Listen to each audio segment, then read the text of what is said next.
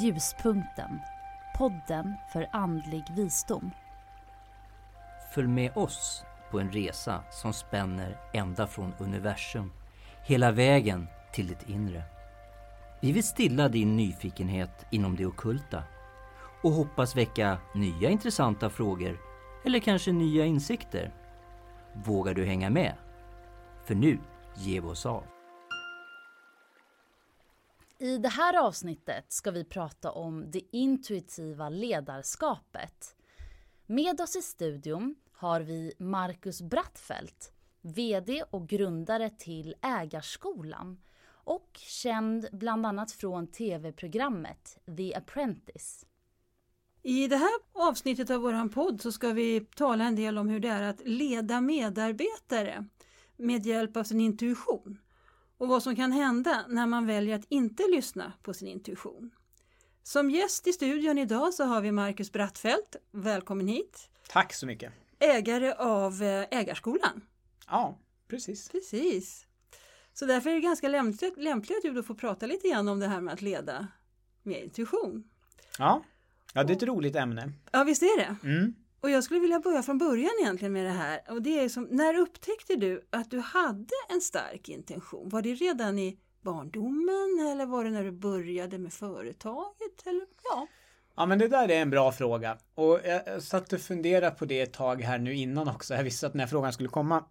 Och jag, jag skulle nog säga så att jag kan nog inte svara på riktigt när, eh, men det har nog alltid funnits, det, det, ja, men jag, jag, tror alla människor har en intuition och det man, det man kallar för en magkänsla egentligen. Sen är frågan hur mycket man använder den och jag har väl på något vis tänkt att ja, men jag har väl det lika mycket som någon annan. Sen tror jag att det är eh, olika mycket hur mycket jag har vågat använda den.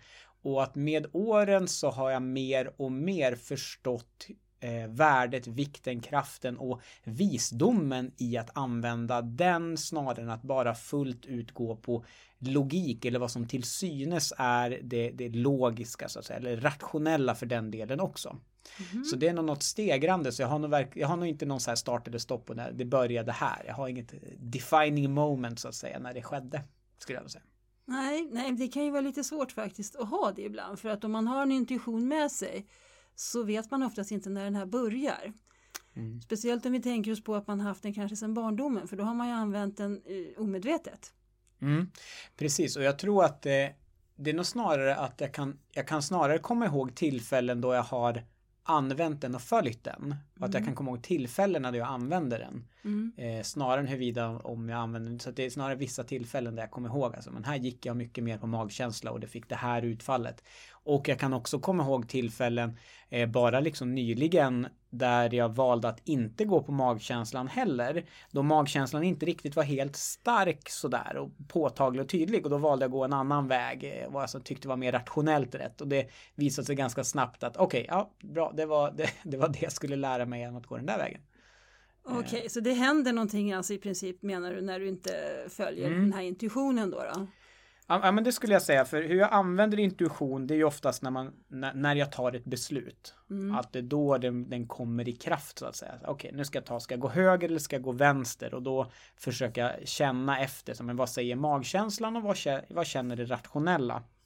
Och många gånger kan det ju vara så där att den där går lite stick i stäv. Som senaste gången, då var det det rationella det är att gå vänster, men jag känner nog lite mer höger.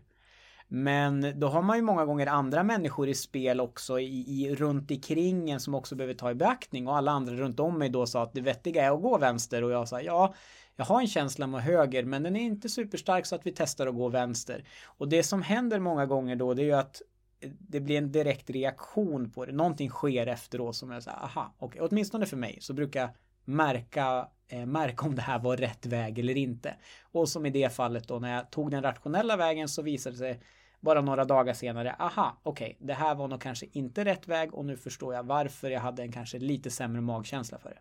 Mm. Det är som att det visar sig mm. varför magkänslan sa det där. Mm. Så att bevisen kommer strax efter dem. Det var ganska bra i och för sig då. då. Att de kommer. Ja, absolut.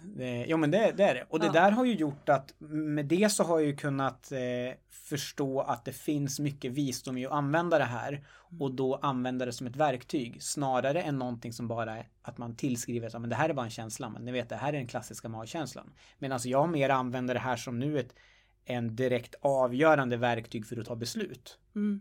Så att det mm. handlar nog mer vilken roll den har fått spela över tid och att den får en större och större roll i det. Mm. Och jag är mer okej okay med att ta beslut utan att veta. Mm. För det, det här är ju ganska viktigt som du säger nu för att när man går på intuition då mm. vet du ju egentligen inte för det finns ju liksom ingen ja om jag gör så här så blir det så här. Det finns ju inte utan här är ju lite blindo man gör. Men mm. du tog upp en annan intressant sak att du har ju folk runt omkring dig då som kanske inte är lika, mm. vad ska vi säga, inne på att man ska ha den här äh, intuitionen. Mm. Ja. Hur tacklar du det? För att du hamnar, kan ju hamna i lite konstiga situationer som du sa själv här nu. Mm. Hur, tack, hur, tacklar du dem liksom och säger att ja men det här är jag säker på är rätt. Ja men fastän det är ju helt fel säger de. Och vad gör du då? Ehm, det där var ju en bra fråga. Det här är ju helt beroende på vad det är för person och vad man har för relation till den här personen också. Är det en medarbetare, är det en anställd, är det en delägare i ett företag? Så det beror på mycket kring relationen där. Och någonstans är det att min intuition som, som jag Ja men om jag bara ska svara spontant på det. Min intuition visar egentligen inte vad som är rätt. Utan det visar snarare vad som är rätt för mig. Mm. Så att jag kan ta i beaktning vad andra säger. Men min intuition kommer bara säga till mig vilket beslut jag ska ta i frågan. Mm. Men företaget jag är med och leder kanske ska ta ett annat. Så att det är eh, vi diskuterar någonting och då vet jag att jag ska agera så här. Jag följer min intuition att jag ska vara så här i det här mötet. Mötet kanske fortfarande inte går som jag vill. Men jag följde min intuition att jag svarade på det här sättet. Jag varit nerröstad i mötet så vi gjorde på ett sätt. Men då var det, då litar jag på att okej, okay, men det var också det bästa som kunde hända då. Det här kommer visa sig varför det var bra att jag var på det här sättet. Mm. För det, eh, det handlar mycket om, om, att lita på det och tro eh, och jag skulle säga att veta att det som sker som ett resultat av det kommer bli rätt. Även om det känns på ett rationellt plan som det blir fel. Mm. Mm. Så att mm. man ska inte vara så snabb och bedöma tror jag att vad var rätt och vad är fel? Och vi människor mm. tror jag har en tendens till att tillskriva händelser rätt, fel, bra, dåligt. Men jag tycker att vi gör det många gånger alldeles för snabbt. Ja, det är jag helt överens med dig om att det är så det är. Vi behöver lite längre kanske betänketid många gånger som man inte tar sig tid till i dagens mm. samhälle. Det är mm. möjligt att det fanns mer tid till eftertanke tidigare men där är vi ju inte nu.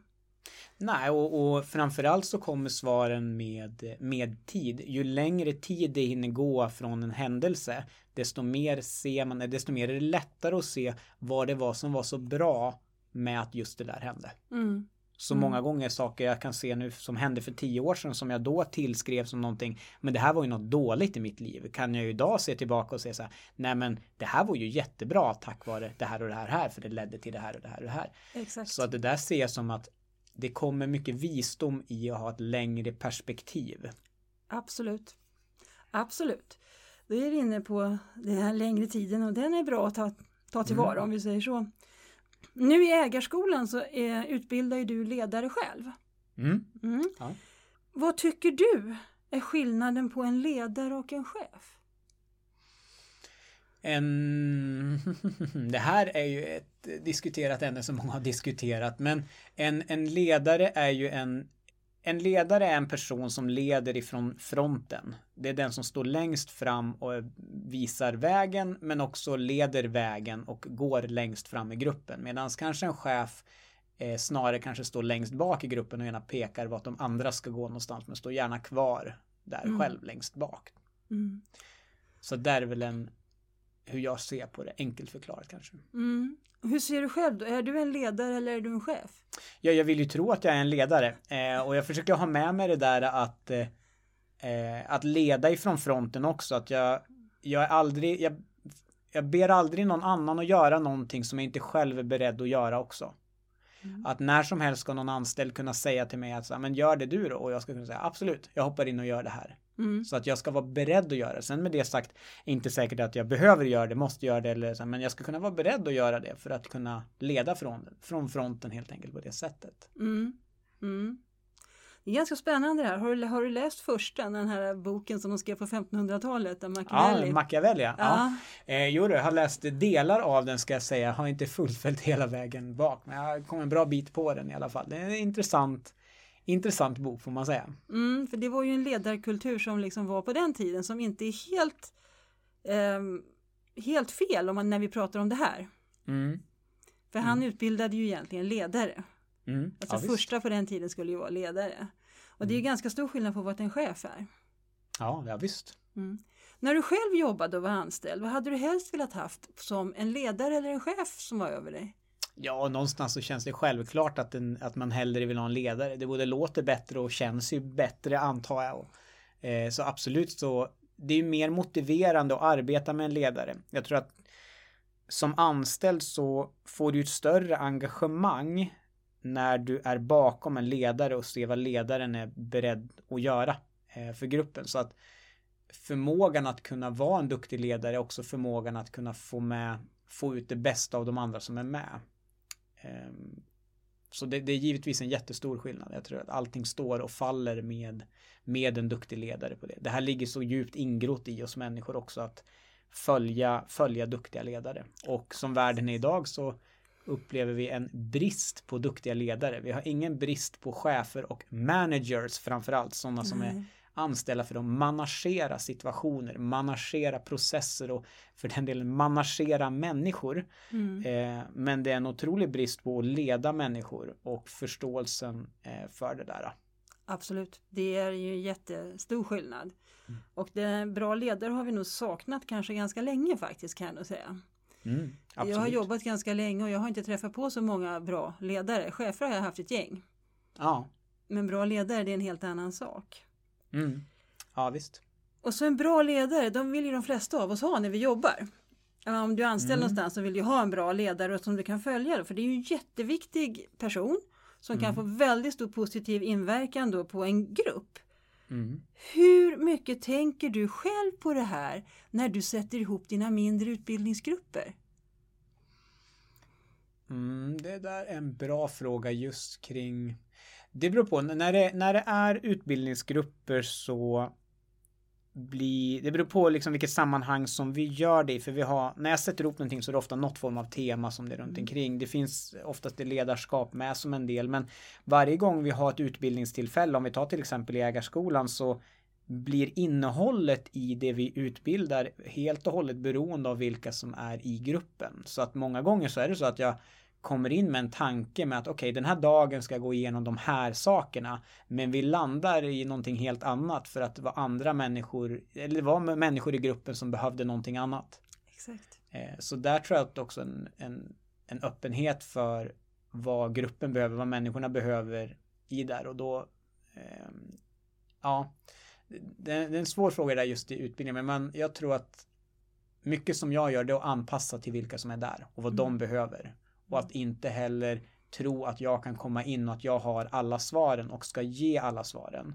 Min roll som utbildare det är att se alla människorna som är där och dra ur det bästa ur dem. Det som redan finns där och ta fram det ur dem. Och det handlar om att facilitera eh, en situation av lärande snarare än att jag går dit och säger åt dem så här är det.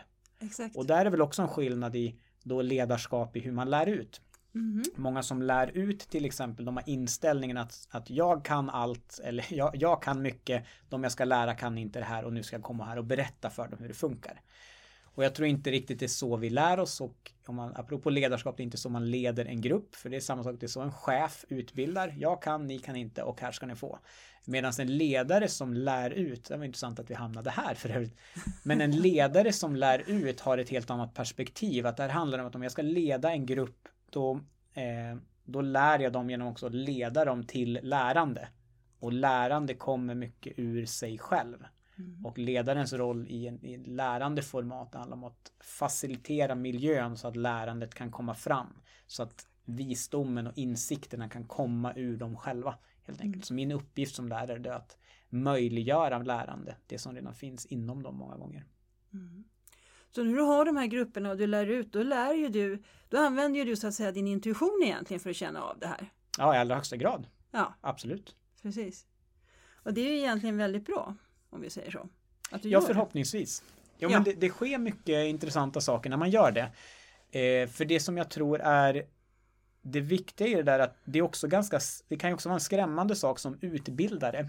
Mm. Att, eh, att göra på det sättet för det kan ju komma upp en hel del saker som man inte är beredd på. Så om du, har, om du då har ett schema, det här ska jag lära ut och nu ska vi följa det här schemat och så sen så avviker och så börjar någon i publiken gråta för att de får en stark insikt om någonting. Då är det många som blir rätt ställda av det. Ja. Och blir rätt såhär, nej men det här var inte, det här var inte som jag trodde, nu ska vi tillbaka, ja men vi tar fem minuters paus, och så blir de ställda i det där. Medan jag ser, för mig så är det bland det bästa som kan hända. Jag har till exempel en favoritövning som jag gör ibland när jag har grupper, när jag jobbar med grupper. Och den övningen går egentligen ut på, och det här kan ju låta väldigt märkligt, men ju fler i gruppen som börjar gråta desto bättre. ja. Jag förstår vad du menar. Det, jag kan hålla med att det kanske låter lite konstigt men Ja. det är ju faktiskt så för du får fram ändå en reaktion på någonting. Ja, snarare så att för att i den övningen så gråter de inte över att jag säger någonting som berör utan det handlar om att jag leder dem till ett ställe i eller till någonting i deras eget liv som de vet är ja men det är det här det egentligen sitter i. Om jag kan visa dem om de kommer till mig så men de kommer till mig för att så, men mitt företag går inte bra varför går inte det är jag för dålig på marknadsföring och så visar de egentligen vad det beror på att nej men det betyder egentligen så går det dåligt i ditt företag för någonting inom dig själv Mm. och så visar dem det. Ja, men då klart det kan bli en stark reaktion. Så, Jaha, oj vänta, är det det här som har hållit mig tillbaka alla dessa år? Jag som har kämpat och slitit och gjort allt det här för att uppnå det jag vill göra. Ja, precis. Och så sen så eh, får de se vad det egentligen är. Och då kommer ju ofta genombrotten då. Mm. Men det här tror jag kräver en del kanske visdom och lite emotionell, att man inte är rädd för känslor heller i det där. Att kunna leda människor dit det är känsligt. Och det är väl det som är duktiga ledare gör. Om vi ser i krig till exempel. Att kunna leda i känsliga situationer. Exakt. För det är det det handlar om egentligen. Ja, precis. Och då gäller det att inte bli skrämd för varken känslor eller reaktioner eller det som kan komma upp i människor. Nej, nej precis. Så egentligen så vi säger, om vi så konkluderar det här så säger vi att, att en bra ledare bör ju egentligen också ha en viss typ av intuition i alla fall. Man, det är absolut ett kraftfullt redskap. Ja. Jag kan inte tala för alla men, men jag kan absolut tala för mig själv att det är, det är väldigt användbart när man lär sig att och använda det och känna av det och använda de känselspröten. För de ger ledtrådar till vart man ska ta gruppen härnäst. Exakt. Och att våga göra det även fast man inte vet riktigt var man kommer landa med gruppen. Nej, det är ju lite svårt ibland. Mm, Men absolut. du, om vi vänder på det här, är, ser du någonting som kan göra att, göra att det är svårt att leda med intuition? Kan du hamna i några situationer där det liksom skulle varit bättre om jag inte hade haft den ungefär? Ja, ja. Eh, verkligen. Jag, jag, höll på, jag höll på att säga att här, livet skulle vara enklare om man slapp det kanske. Då, att, Okej. att allting bara vore rationellt och, och, och logiskt hela tiden. Men, men så funkar ju inte riktigt världen. Att saker är inte rationella och logiska liksom. Eh, så det är, en, det är en enorm nytta att, att kunna använda sig av det. För någonstans så tror jag att livet vill oss väl Mhm, och leder oss på den vägen där vi ska hamna. mm, Och som jag använder med min egen intuition det är att jag vet att om jag, lit, om jag litar på min intuition och vågar gå den även fast den är rationellt och människor andra säger att men det där är fel väg att gå så gör jag det i alla fall så märker jag att jag blir oftast belönad för att jag gör det. Alltså, ja, men det visar sig då att ah, det här var anledningen varför och det här vart ju kanonbra. mm, mm. Och när tillräckligt sådana många bevis har kommit desto mer blir det som ett kvitto för att ja ah, vänta det här med magkänsla och intuition är inte så dum sak. Liksom. Det är inte så dumt. Nej. Det är lite grann som man tränar en hund liksom. Du får säga, gör du rätt får du en godis. Exakt, Liksom. precis. Ja, okej, det är samma sak. Det är samma sak. Men att vi, du sa någon gång att det hade varit lättare ibland att inte ha den. Va, va, vad tänkte du runt det då? då liksom? Ja, men det, på ett sätt så kan det ju vara lättare för då kan det bli lättare att förutspå vart, ja men om jag gör X då händer Y. Mm, Att det är liksom det här rationella, att om man gör det så händer det. Att om jag gör ett plus ett så blir det två. När det kommer till intuition så blir det lite annat leda, leda sig själv och många gånger andra i blindo. I brist på information. ja. Men, och då behöver man ha det som kanske mänskligheten har haft i alla tider ett stort behov av. Att ha en tro. Mm. Att ha en tro på sin intuition också. Mm, Att så här, jag vet att vi ska hitåt men jag kan inte svara på varför. nej. Men vi människor är också lite vi eh, gillar bevis på saker. Och ibland så är det så att det är inte alla situationer där det finns bevis för vad som är rätt. Så om jag, tänk, om jag samlar ihop det här som du har sagt egentligen, det som kanske är svårast då när man leder med intuition, det kanske inte är att man leder själv utan det är egentligen att få andra att förstå att du vill gå åt höger när alla andra tycker vänster. Mm. För hur ska du förklara, alltså hur förklarar man det för folk som kanske inte är, vad ska vi säga, in, så inne på det här med intuition och sådana här saker? Mm. Det blir ju naturligtvis eh, klurigare att, att motivera det. Mm. Och ibland så kan man göra det och hitta rationella svar på det där varför, varför höger. Så att jag kan ju ha en intuition att nu ska vi gå höger, att jag har en magkänsla som är väldigt positiv till det. Mm. Och då kanske är steg två få hitta rationella skäl som gör att de andra i gruppen köper anledningen varför vi ska gå till höger. Ja. Men jag vet ju att ja, men det gör jag egentligen bara för att stilla deras oro eller vad det nu kan vara, vad de mm. behöver för att vi ska gå det. Mm. Men för min egen del då går jag mycket på magkänsla. Naturligtvis gör jag ju fortfarande den research och, och, och, ta fram vad ska jag säga, beslutsunderlag och andra saker för att ändå eh, se att ja, men på ett rationellt plan så låter det här inte helt galet å andra sidan heller. Men, men till syvende och sist så är det ändå magkänslan och intuitionen som gör att jag vet att det kommer också bli bra att vi mm. gör på det här sättet. Mm. Sen kan jag aldrig säga hur det blir bra. Nej. Nej. Men jag vet att det blir bra. Ja. På något sätt. På något sätt. Ja men det är ju det viktigaste egentligen, att du vet att det blir det på något sätt. Om vi säger mm. så, eller hur? Ja visst, och där gäller det också att se då Intuitionen kan ju också leda en in på jobbiga saker. För ibland är det lätt att tro att ja, men om jag, okej, okay, nu, det här låter bra, nu ska jag börja följa min intuition. Och så följer jag intuitionen och så händer någonting som jag skulle tillskriva som dåligt. Mm, sånt händer ju. Och så undrar man så här, men vad sjutton, jag hade ju en bra magkänsla, varför hände det här nu? Det här vart ju jättejobbigt och sorgligt och alla möjliga anledningar. Och där tror jag att det gäller att ha det perspektivet då, att se att bara för att följer jag magkänslan så betyder inte det att allting bara kommer bli rosa moln och bra. Nej. Men att det kan bli det till slut. Men jag har en passage som jag behöver gå igenom. Mm. Som jag leds in i för att på andra sidan den passagen, då kommer det bra. Mm. Det är därför som jag har lite grann ett mantra som jag använder. Eller mantra och mantra, men jag, men jag har liksom ord som jag brukar säga när det här händer. Uh -huh. Och det är, det här är bra. Så att om jag gör någonting, jag följer min magkänsla och så är det till synes dåligt. Eller mm. något man kan tillskriva som, det här var inte bra. Då säger jag, men jo men det här är bra. Mm. Jag vet inte hur, jag vet inte varför och jag vet inte när. Men jag vet att det är bra. Mm. mm.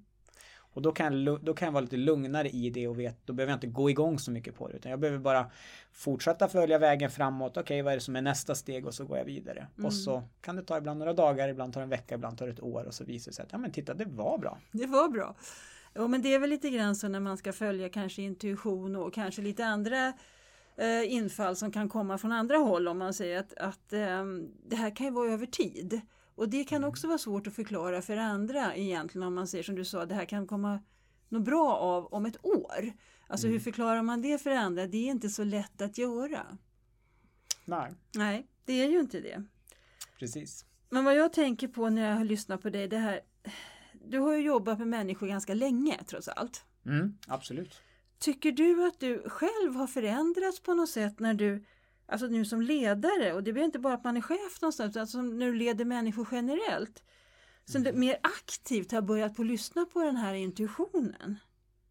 Ja, eh, absolut. Jag är ju av den, jag är ju av den tron att jag tror att livet går ut på att lära sig. Mm. Att man hela tiden lär sig. Jag tror att man stannar i den dagen man bestämmer sig för att sluta lära sig någonting nytt är också den dagen man påbörjar sin död. lite, lite mm, krasst sagt. Så, ja. mm. så jag tror att så länge vi, så länge vi lär oss och växer då, då håller vi oss unga, vad man ska säga. Då, mm. då håller vi oss liksom aktuella. Så jag mm. tror att livet går mycket ut på att växa och att lära sig saker. Eh, naturligtvis olika saker. Då.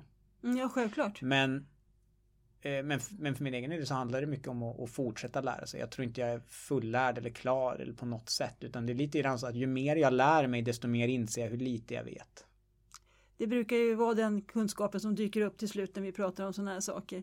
Ja. Men jag, tänker, jag tänkte lite vidare här nu. Nu utvecklas ju du. Men tycker mm. du när, när, du leder andra, till exempel de här grupperna eller när du, din egen personal. Mm. Tycker du att du har förändrats någonting när du får mer insikter i det här med, med intuition i ledarskap och så. Så att du kanske ja. agerar på, mm. andra sätt. Jo, men det har du helt rätt i. Det, det jag märker om jag uh, tar nu senaste åren kanske, det är att jag använder det mer och kanske vågar prata om det mer.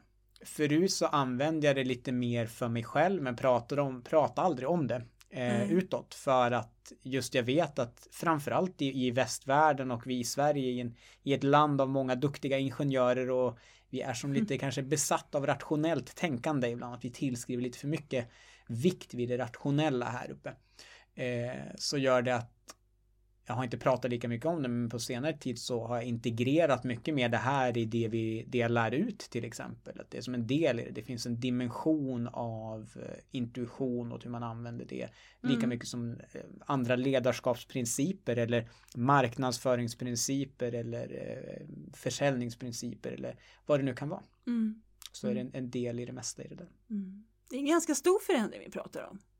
Ja, absolut. Och jag tror att ju mer det, det har fått ta mer och mer plats mm. eh, i det där. För eh, jag ser kraften i att göra det. Hur mycket snabbare man går framåt när man tillåter mm. den dimensionen också få vara i verket. Mm.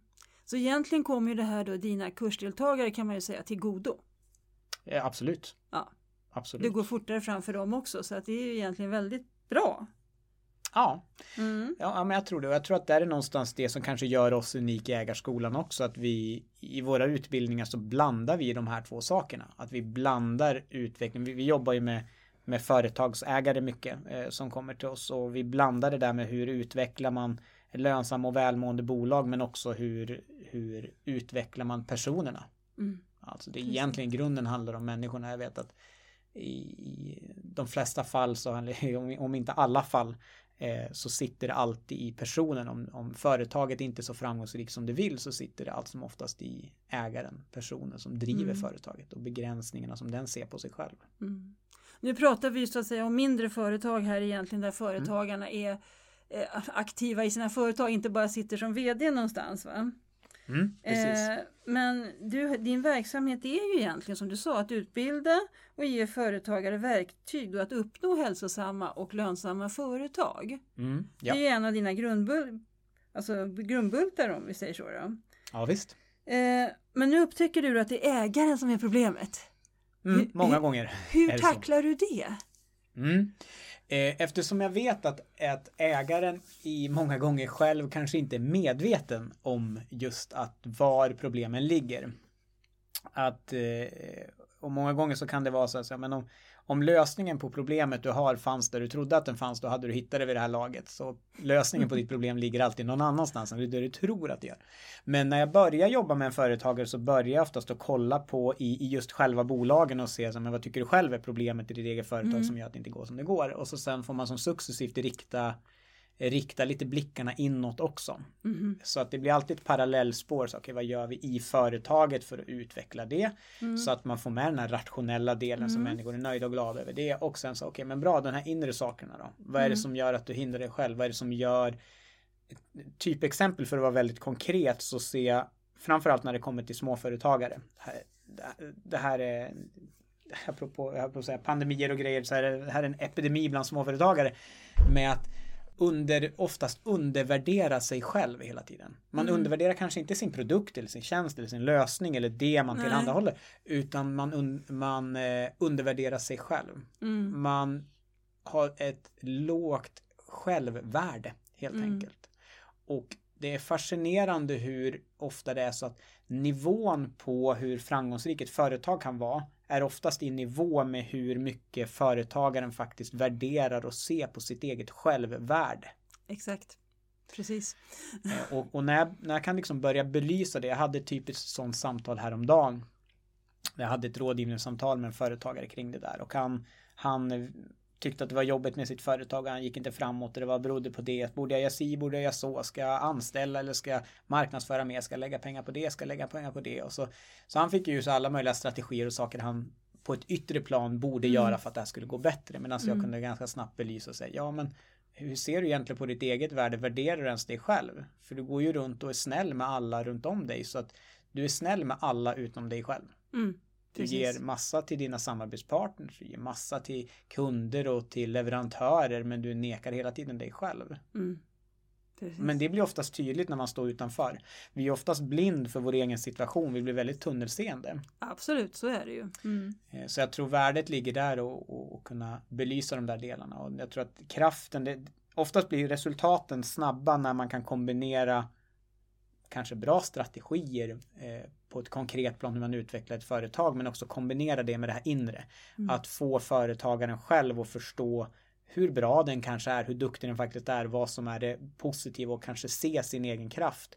Och också stärka upp den företagaren på flera plan. Vi människor består ju av flera delar, varav det fysiska planet är väl det en av fyra som jag brukar säga. Ungefär så ja, precis. Ja men så stämmer ju faktiskt. Det... Ja. Men vad får du för respons för det här när du har de här samtalen och du plötsligen nu då, han sitter och pratar här om liksom marknadsföring och hej och hå, allt det här som är fysiskt Mm. som vi säger.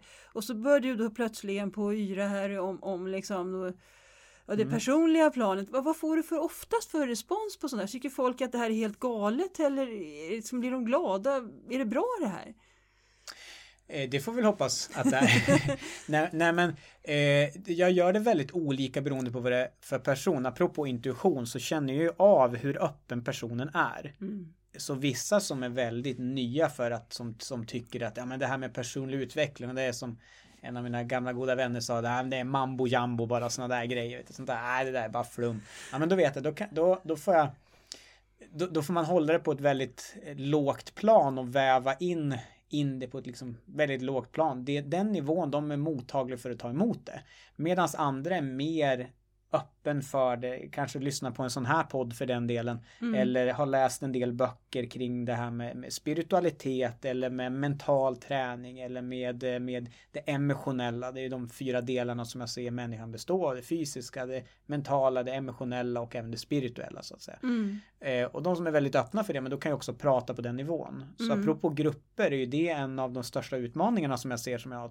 Det är när jag har en grupp med en kombination av massa människor och hela tiden pejla av och säga, vart någonstans är gruppen? Mm. För individerna de är på lite olika plan men vad är gruppen som helhet? Och då får jag som okej, här någonstans är gruppen. Mm. Och då är min uppgift att okej, under den här timmen eller de här tre timmarna, de här dagarna, då ska jag lyfta gruppen från den här nivån till att jag kan få dem två pinnhål upp i vad de behöver Mm. göra med sig själv för att skapa nya resultat.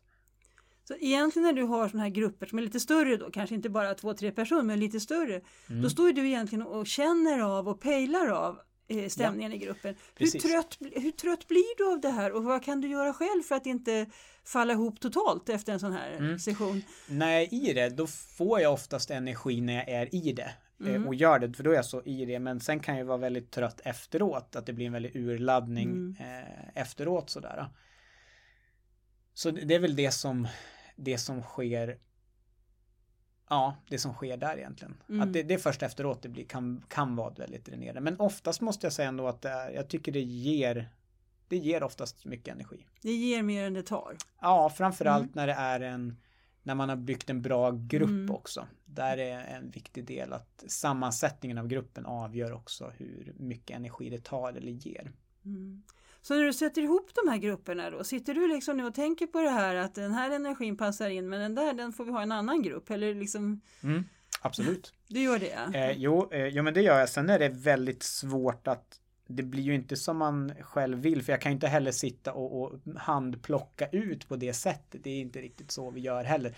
På något vis i det vi gör så är alla välkomna i det men sen brukar det vara så här att det blir lite självsållande. Mm. Att när vi, och det det här är ganska naturligt, jag tror det här sker både omedvetet och medvetet på olika håll att människor känner ju någonstans vart de hör hemma. Vi Mm. vet på ägarskolan vad vi gör för någonting där och vad vi står för Mm. och vad som funkar. Och det attraherar en viss typ av personer. Och en viss Precis. typ av företagare som kommer till oss. Men Mm. sen blir det väldigt tydligt att vilka som inte passar hos oss heller. Och det är helt okej. Det är med. Jag, Mm. jag dömer inte om det är verkligen bra eller dåligt utan då är det bättre att de går någon annanstans där de känner att de är mer hemma. Det är en energi som passar dem bättre, en attityd eller Mm. ordaval eller vad man nu väljer att ha för preferens så passar man helt enkelt där man passar. Men vi, vi, vi står ganska stadigt i det vi gör. Vi vet liksom vad som fungerar och för dem det passar för så då, då, är det de som känner att de hör hemma där som också kommer till oss och fortsätter vara hos oss också. Det är ju egentligen jättebra för då får du ju liksom egentligen de som ja, passar in då. Ja, precis. Och med det sagt så är det ju en väldigt, med det sagt så är det ju verkligen ingen monoton grupp på det sättet, Nej. utan det är verkligen, verkligen liksom högt och lågt i, i både storlek på bolag och branscher och kvinnor och män och åldrar mm. eh, som blandas väldigt mycket i det där. Mm. Men någonstans, jag tror den gemensamma nämnaren är att, eller jag skulle säga, det, man behöver nog inte göra det svårare än att de gillar det vi säger och upplever att det har ett värde. Exakt, det brukar ju vara på den nivån, eller hur? Ja. ja. Du, om vi backar bandet lite grann här så sa ju du att eh, de här då, då att det oftast kanske var problem med ägarna när företaget inte växer. Mm, Hur stort ja. är det problemet enligt dig av vad du har sett nu i dina utbildningsår som du har hållit på med det här? Att det är mm. ägaren mm. som står i vägen? Ja, vi diskuterade det här lite grann innan också. Jag skulle nog säga att det är alltid så. Ägaren har alltid en prägel på bolaget. Att jag brukar säga att ägaren är en ägaren blir som en eh, eller bolaget blir som en spegelbild av sin mm. ägare på både gott och ont. Vilket gör mm. de styrkor som ägaren har återförs ofta som styrkor i själva företaget och svagheter blir också återspår i, i, i företaget. Sen kan de ta lite olika form. Mm. Men ägarens prägel på företaget finns alltid med. Eh, ta bara en sån sak som eh, jag jobbade tidigare på, jag menar, jag kan, vi kan väl nämna vad konkret för det. Jag jobbade tidigare en gång i tiden i mina eh, tidiga karriärår så jobbade inom MTG till exempel. Som startades av Jan Stenbeck. Mm. Och det, han har inte funnits med där på många år men det var väldigt tydligt hur hans prägel var satt på det företaget. Mm. Så att hans anda fanns i det bolaget och var väldigt tydlig för oss anställda i det företaget då. Även efter han, han inte var där. Och så är det många gånger i, i bolag Ehm, helt enkelt vilket bolag som helst att, att ägarens och företagarens intention och, och, ambition och vad ska man säga känsla då om vi mm, säger, säger mm, det. Det finns mm. ofta inbyggt i det där. Mm. Precis som man säger att ett hus, ja, men det sitter i väggarna, saker sitter ja. i väggarna så sitter även kulturer och saker i bolagen också. Mm. Och det är därför som blir, det blir som om du ser ett träd, om vi vill ändra frukten på träden, att det trädet, trädet ska mm. bära med sig mer frukt, ja men då får vi kanske ta och förändra lite grann i rötterna. Eh, helt enkelt. Och ja, då eh, kan vi ändra frukten. Eller ympa, ympa in någonting annat om vi säger så. Man kan ju ympa ja. in på frukt. Men Stenbeck generellt är ju en väldigt, eller var ju en väldigt kraftfull personlighet om vi säger så. Då, då. Mm. så att, eh, Han satte sin prägel på ja, saker. så kan, kan vi väl lugnt uttrycka oss. och det som du säger både på gott och ont för, för mm. småföretagare kanske mer egentligen. Ja, precis. Ja. Och vissa företagare sätter för lite prägel på sitt företag. Ja, de vågar Precis. inte lita på sin egen kraft och vad, de vågar inte lita på sin förmåga att genomföra någonting och då i, i det så undviker man och så sen så tar man istället så här, nej men istället för att jag ska lita på vad jag tycker är kanske en bra väg så nej men vi tar in den här marknadsföringsbyrån för de hade fina ja. bilder och gjorde en bra video och de sa bra saker ja. och så vart det inte riktigt rätt i alla fall och så undrar man men varför funkar inte det här? Jag har ju ett exakt likadant företag mm. som den här andra kunden de har och för dem går det jättebra med deras annonsering till exempel. Men med vårat företag funkar inte alls. Vad beror det på? Mm. Och då har det där, och jag brukar leta efter det här. Eh, det, det, här är någonting som jag letar ofta efter. Och jag brukar kalla det, jag brukar prata med min fru om det där att jag brukar leta efter när det klickar. Mm.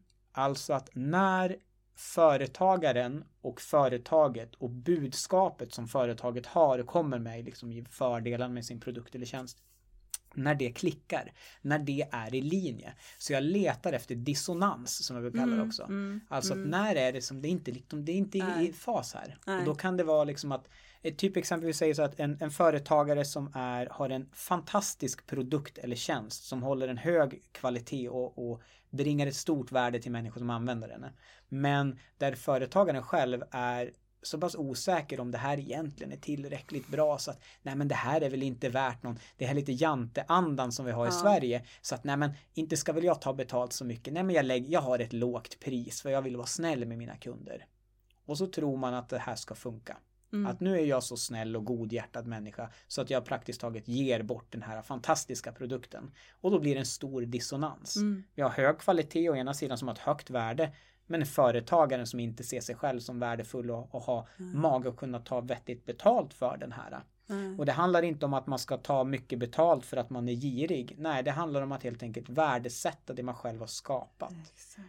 Och därför kan det många gånger vara, för att dra ett konkret exempel, där jag har kunder som, som vi har hjälpt där de får där företaget börjar få fler kunder när de höjer priset. Mm. Alltså det är helt tvärt emot vad många tror att det är. Nej, men jag får, om jag bara har ett lågt pris, om jag bara sänker priset, då kommer kunderna köpa mig. Då väljer de mig. Mm. Och så brukar jag säga så här, nej men så funkar det inte. Vi människor funkar inte så här. Psykologiskt är vi inte skruvade riktigt på det sättet.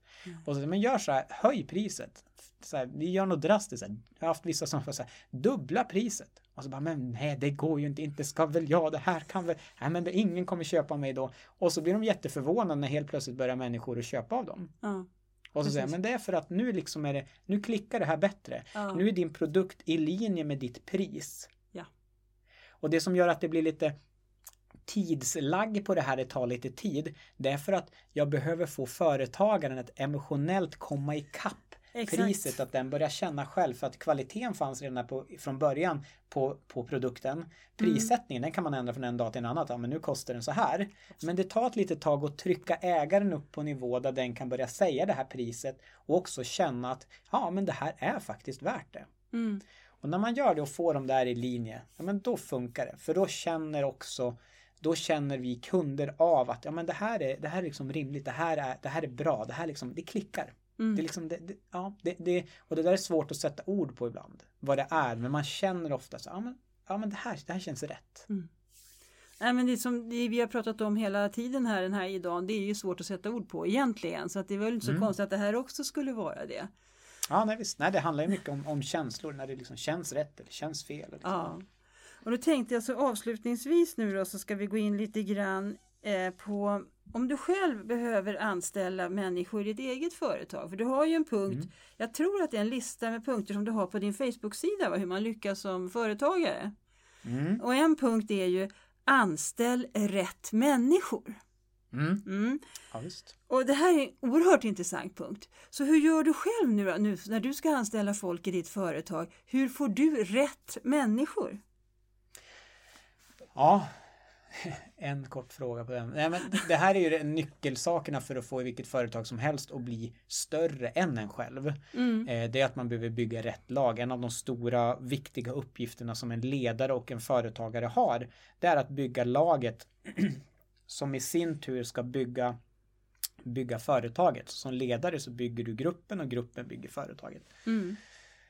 Och hur, hur jag gör själv i det där handlar ju återigen det här med intuition och magkänsla. Eh, jag, har ju, jag har arbetat inom bemanningsbranschen och rekryteringsbranschen en period i mitt liv också. Och där, är, där driver man ju ofta den frågan så här, nej men gå absolut inte på magkänslan, gå inte på den känslan. Nej, här ska det vara en rationell process här vi ska följa i flera steg och vi ska följa upp och vi ska ta referenser. Och, och, och jag håller med om det, det är ju jättebra att kunna sålla på Ja. det sättet. Ja. Men till syvende och sist så kommer också det där med magkänslan vara med för då får man med den där sista biten som har med som inrymmer betydligt mer visdom med sig. Varför är det bättre att den här personen är med?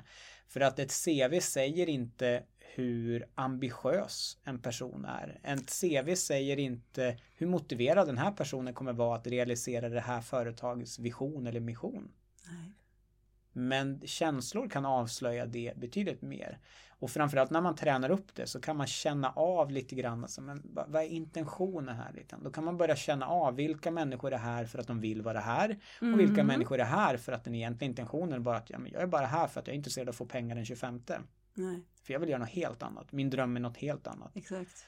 Och då kan man känna av det och då vet man av det så det är inte alltid att det är Ska man anställa på en nyckelposition då vill man kanske gärna ha de som delar visionen och missionen för företaget och då blir det här viktigt. Men ska du anställa en person som ska jobba på lagret över sommaren ja det kanske inte gör någonting att de är där bara av för att de vill ha lön och vill ha lite pengar Nej. men då kan det vara gott nog. Så det beror på på vilka positioner man pratar om också. Mm. Men på de viktiga positionerna då är det här en, en väldigt viktig aspekt att bygga ett bra lag. Och det är ofta så, det är så företag också lyckas när de har vinnande lag. För vinnande Exakt. lag vinner vinnande bolag. Exakt. Det gäller över alla linjer. det gäller även i idrottsvärlden. Har du inte ett bra lag så, så vinner du inte. Ja. Du måste ju ha det. Eh, och nu när du mer litar på din intuition, då, när du har arbetat upp den här lite bättre. Tycker du att du gör bättre rekryteringar då än tidigare? Ja, absolut. eh, jo, definitivt. Ja. Eh, Ja, nej, men jag kan bara svara ja på det. Ja, det, ja. det blir bättre. Sen kan jag inte svara exakt hur, för att det är det här som är det fascinerande. Man vet aldrig riktigt. Innan så vet man inte på vilket sätt det blir Nej. bra. Nej, Jag kan bara lita på att det kommer bli bra. Mm. Och sen får vi se på vilket sätt det är. Och jag kan många gånger förvånas över på vilket sätt det vart bra. För det är sällan på det sättet jag tror att det blir bra. Mm. Men det som blir bra. Sen avslutningsvis tänkte jag försöka ta en fråga som jag faktiskt får ganska ofta själv när jag är ute och pratar så här. Det är ju då Var sitter intuitionen i kroppen? Alltså vad känner du av din intuition? Är lillfingret eller liksom i huvudet? Eller var sitter intuitionen? Jag, jag tror att det, här kan den, här är, här är en vild gissning från min sida. Jag tror att det kan skilja sig mellan, från person till person. Alltså vilken del av kroppen är det som är mest receptiv så att säga, som är eh, mest mottaglig för det där. Jag har, jag har alltid haft, precis som ordet antyder, just magkänsla att kunna känna av med på något vis magen. Men, men många gånger så, ju mer jag använt det här, desto mer känns det mycket mer i hela kroppen. Framförallt när det är något viktigt. Mhm. Ibland så, så kan magkänslan vara väldigt stark på Okej. någonting och då är det som att det, då, då kan det liksom eh, händ, alla möjliga liksom fysiska symptom kan vara som liksom puttar mig i en viss riktning. Liksom. Jag kan känna i, i axlarna till exempel, att det kan pirra i axlarna till exempel. Eller något sånt där. Så det kan ta sig lite olika uttryck men många gånger för mig är, liksom magen och magkänslan är också liksom där det sitter många gånger. Mm. Mm. Ja, magen, det heter ju magkänsla så det vore ju praktiskt om den satt i magen då om man säger men det gör väl Mm. inte det hos alla så vitt jag har förstått. Nej, nej men jag tror inte Nej. det. Jag, jag tror att det, det kan nog, man, eh, man hittar nog av vart man har sina känselspröt själv. Jag tror Mm. att man behöver, och vi har ju redan ord för det här, det finns ju om man bara letar efter de här svaren så finns de ju. Jag menar, vi kallar det i allmänhet för ett sjätte sinne till exempel. Och då säger ja, vart sitter det då? Ja, men för vissa liksom i huvudet och för vissa sitter det någon annanstans. Liksom. Men det är det där sinnet som är lite mer svårförklarat. Eh, men det finns där och vi beskriver det ofta och tillskriver det som en känsla. Mm. Och det är ju det vi har pratat om hela tiden idag. Ja, Mm. Så med det så skulle jag vilja avsluta det här avsnittet och tacka dig Marcus för att du har varit med och svarat på de här frågorna. Det har varit väldigt intressant. ja men tack för att jag fick vara med. Vill du veta mer om Ägarskolan besöker du ägarskolan.se. Har det dykt upp funderingar efter denna podd? Eller har ni några ämnen som ni vill att vi ska ta upp här? Så är ni välkomna att höra av er till oss via vår Facebook-sida Ljuspunkten podd. Vi erbjuder Reiki Healing-behandlingar i Stockholm. Vi har också kurser inom det andliga området. Läs mer om detta på våra respektive hemsidor som du når via vår Facebook-sida Ljuspunkten podd. Välkommen till Caroline, Dan, Fredrika och Gunilla.